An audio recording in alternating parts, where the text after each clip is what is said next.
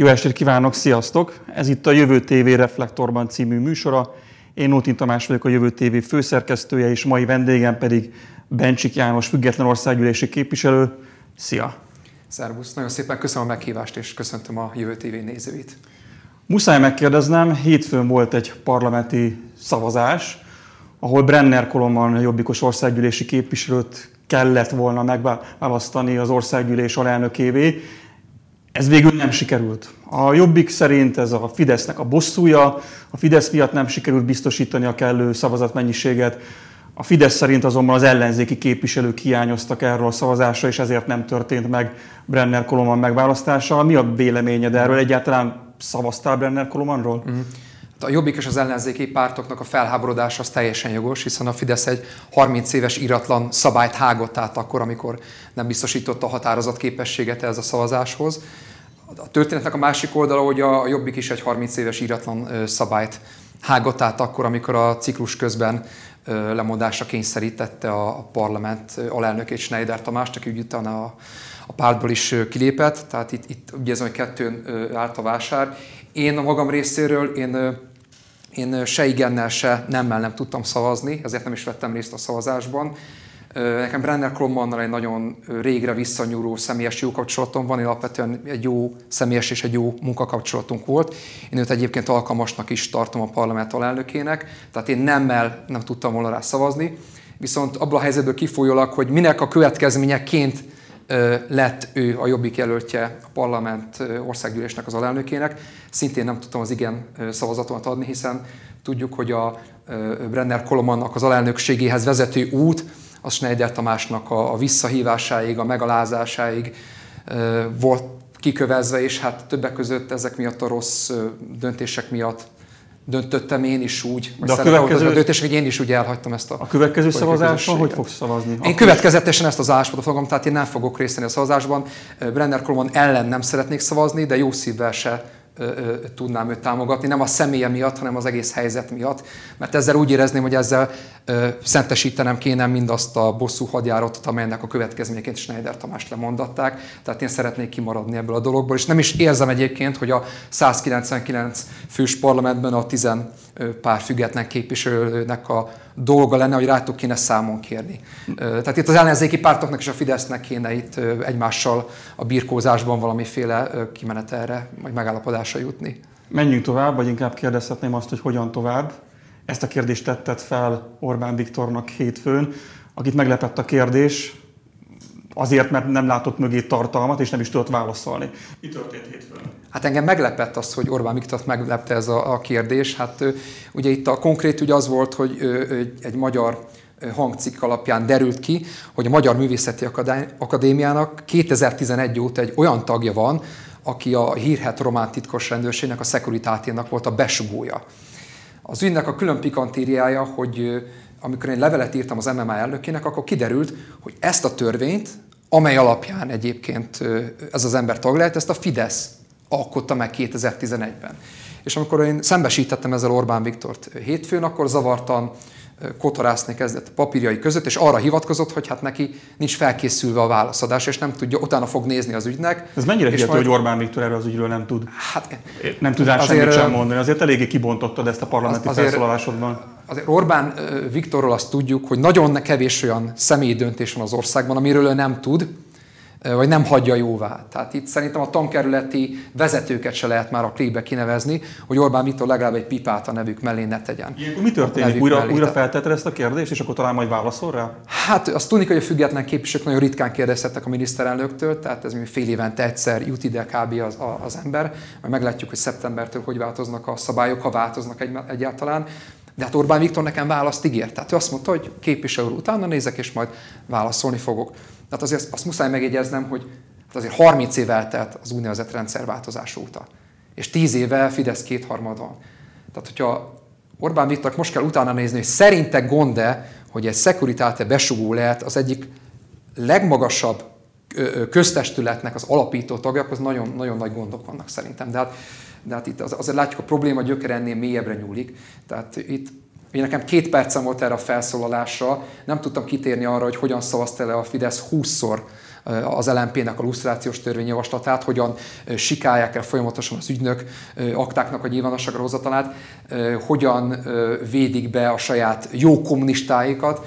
Itt azért a probléma gyökerei messzebbre vezetnek. Tehát... Kíváncsian várjuk Orbán Viktor, akkor hát, fog majd legközelebb Én is kíváncsian várom. Itt egy másik tisztázandó kérdés, hogy ki kit jelent fel. Amikor olvasom a Facebook posztjait, akkor azt olvasom, hogy te jelentettél fel, te tettél feljelentést, máskor pedig azt olvasom, hogy téged jelentettek fel, úgyhogy elsősorban arra gondolok, hogy a Kínából érkező védőfelszerelések minősége miatt tettél te feljelentést. Ezt a feljelentést, hogyha jól tudom, akkor visszautasították, de téged is feljelentettek. Hogy állnak most ezek a feljelentések? Igen, kicsit bonyolult a sztori, de megpróbálom szétszálazni úgy, hogy érthető legyen. Ugye a, én tettem egy feljelentést az ügyben, hogy azok a védőfelszerelések, amik a hazánkban érkeztek Kínából, gyakorlatilag teljesen ellenőrizetlenül lettek szétosztva a kórházak között. Holott egy csomó országban ezeket bevizsgálták, vagy ha nem vizsgálták be, akkor amikor jelezték a kórházak, hogy bocsi, baj van, mert ez a maszk ez nem jó semmire, akkor utólag kivonták a forgalomból. Hogy Magyarországon se be nem vizsgálták ezeket, se utólag ki nem vonták a forgalomból, sőt, amikor bebizonyosodott, vagy felmerült a gyanú, hogy hát ezek még olyan jók, akkor ugye ö, ellenem indítottak rémhír terjesztésért eljárást. És ugye a csavar itt jön a sztoriban, hogy a kórház elvileg engem feljelentett. Ugye a Délpesti Ján Ferenc kórházról beszélünk. Ferenc kórház, ez, ez május 15-én, talán egy, most már majdnem másfél hónapja volt, én a mai napig semmilyen hivatalos iratot nem kaptam. Se a rendőrségtől, se senkitől. Ugye a történet az az, hogy te oda bementél, és egy videó tanulsága szerint egy kórházi dolgozóval beszélgettél. Jól mondom. Igen. Hogyan tudod te képviselőként ellenőrizni azt, hogy akivel beszélsz, az hiteles információkat tud nyújtani számodra? Ezt azért kérdezem, mert itt volt most az MSZP és álmentő és, álmentő és balhé. Ez nem csak az MSZP-re, hanem az ellenzékre, az ellenzék képviselőire is rossz fényt vet, főleg akkor, amikor a kormány az egészségügyi intézkedéseit kritizálja. Igen, nagyon volt ez a Kóros Lajos videó, vagy álvideó, vagy álmentős videó. Én nagyon dühös voltam, megmondom őszintén mert én azt láttam, hogy egy, egy meggondolatlan, vagy nem kellőképpen megalapozott, utána járt sztori miatt ez visszahullik az összes az, az összes olyan jogos kritikára, vagy jogos fellépés, amit én is képviselni próbáltam. De azt látni kell, hogy, hogy ezek a sztorikat sok mindent befúj a széle képviselőnek, meg sok megkeresést kap, de amit a a nézők, vagy az emberek, vagy az állampolgárok látnak ebből, az normális esetben egy nagyon hosszú előkészítő kutató munkának a végeredménye. Tehát az nem úgy van, hogy valaki felhív engem, vagy ír a Facebookon, hogy úristen, óriási botrány van, és akkor szaladok oda, és akkor a mikrofonom a kamerával. Hát azért nagyon komoly utánajárás van. Én is több alkalommal telefonon, személyesen a helyszínen, a kórházban, a kórházon kívül beszéltem az érintettekkel, egy meggyőződtem egy róla. provokatív kérdés lesz, bocsáss meg hogy nem szereptévesztés az, amikor az országgyűlési képviselő játszik oknyomozó riportert? Hát lehet, hogy lehet ezt tartani, nem tudom, szereptévesztést, de nem normális, az biztos. Norm, ugye mi a normális eset? Normális esetben ugye érdekvédelmi szervezetek, szakszervezetek ütik, vágják a, a kormányt ez ügyben, meg a, meg a média helyezi nyomásra a kormányt, de azt látjuk, hogy nagyon sok esetben nem valósul meg. Azt is látjuk, hogy a kormánypárti médiának nincs érdeke, hogy ezeket a sztorikat utána menjekig utassa.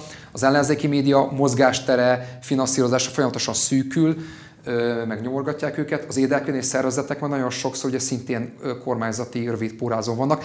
Nem beszélve az ott dolgozókról. Hát nagyon sokan kérdezték, hogy miért nem állnak ki a dolgozók. Hát akkor tessék, ha tényleg ilyen visszérések vannak, akkor miért nem adják a nevüket, meg az arcukat. Miközben pontosan tudom, hogy hogyan fenyegetik, meg szorongatják, meg zsarolják az, az egzisztenciájukat. Hogy, hogy, hogy, azt a kevés pénzüket is elveszik tőlük, és áthelyezik őket, hogy az utcán találják magukat. És akkor visszatérve az eredeti kérdését, valóban az van, hogy nagyon sokkörös, több heti kutatás volt emögött, és egyébként még mindig abban a szempontból, hogy nincs vannak még elvarratlan szárak, csak most már annyira a kórházvezetés rászállt az ott dolgozókra, hogy már korábbi olyan emberek, akik eddig legalább név meg arc nélkül, de nyilatkoznak nekem, sokan már azt mondják, hogy bocsi, inkább nem, mert nagyon figyelnek, azt is nézik, hogy kivel találkozok, inkább nem akarok. Ez azt gondolom, hogy ez abnormális, és ezért is adtam be a, a saját feljelentésemet, úgy a kérdésedben volt, hogy engem is feljelentettek, de én is tettem egy feljelentést, ismeretlen tettes ellen, hogy nyomozzák ki a rendőrség, hogy ki a felelős azért, hogy ilyen áldatlan állapotok vannak. Ezt a feljelentést most a napokban ugye készhez kaptam a, a rendőrségi határozatot, hogy visszautasították, de ezt nem hagytam annyiban, mert tettem egy hivatalos panaszt, és én az összes jogi képviselet, az összes jogi lehetőséget ki fogom használni, ami Magyarországon létezik. Nem azért, mert azt gondolom, hogy Polt Péter majd ki fogja ezt kutatni, hanem én ezt nagyon komolyan szeretném nemzetközi szintére vinni ezt az ügyet, de addig nem tudom nemzetközi szintére vinni, amíg nem használtam ki minden jogi lehetőséget, és ezt el akarok menni a, a falig, ameddig lehet ebbe az ügybe. Biztosan be fogunk erről számolni. Köszönöm szépen, hogy itt voltál. Köszönöm szépen a meghívást, és köszönöm szépen mindenkinek, mindenkinek aki nézte ezt az adást.